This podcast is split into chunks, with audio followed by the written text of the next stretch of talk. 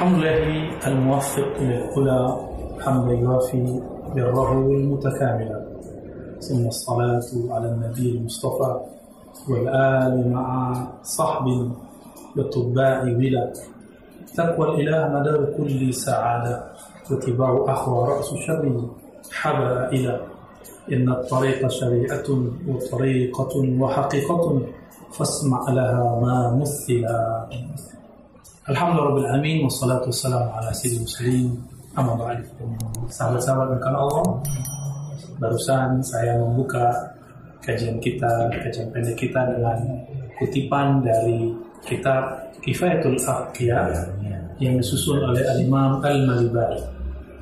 Imam Al-Malibari biasa dikenal sebagai pengarang kitab fikih Fathul Mu'in yang juga merupakan syarah daripada kitab Muhimmatuddin yang beliau karang sendiri setelah dilihat ada yang perlu dijelaskan karena mungkin ada beberapa talib murid yang salah faham atau kurang faham maka beliau menulis syarahnya sendiri menjadi Fathul Mu'in di beberapa pesantren, di beberapa ma'had apabila ada orang mengerti Fathul Mu'in oleh gurunya diizinkan berfatwa dalam mazhab syafi'i.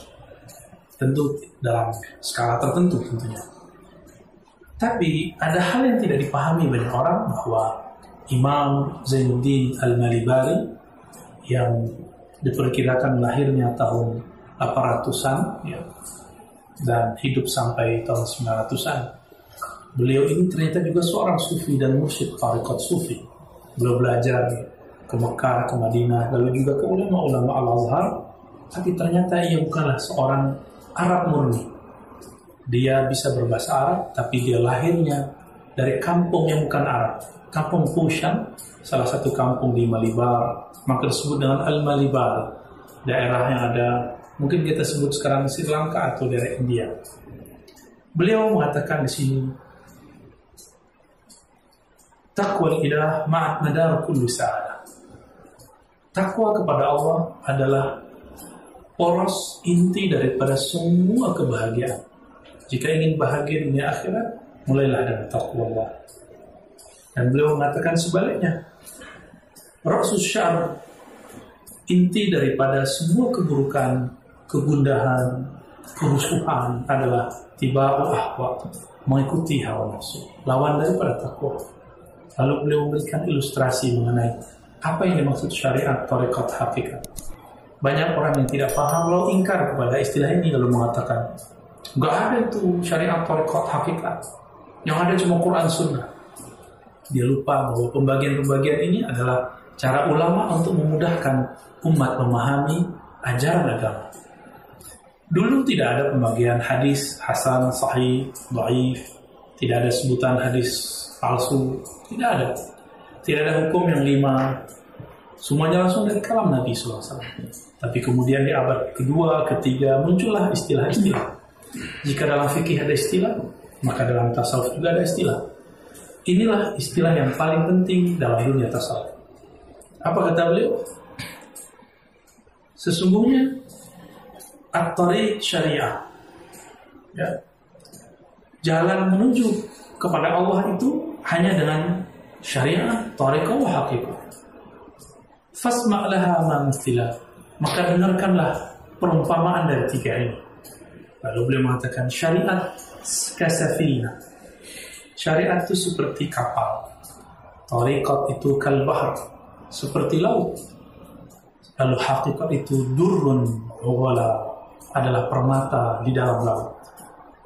Maka orang-orang yang ingin mendapatkan permata tapi tidak naik kapal, maka dia akan tenggelam karena berenang ada kekurangannya kalaupun dia mencoba mengambil, mungkin yang baru diambil adalah seperti uh, pasir-pasir, kerikil-kerikil atau batu karang yang sudah tidak bagus.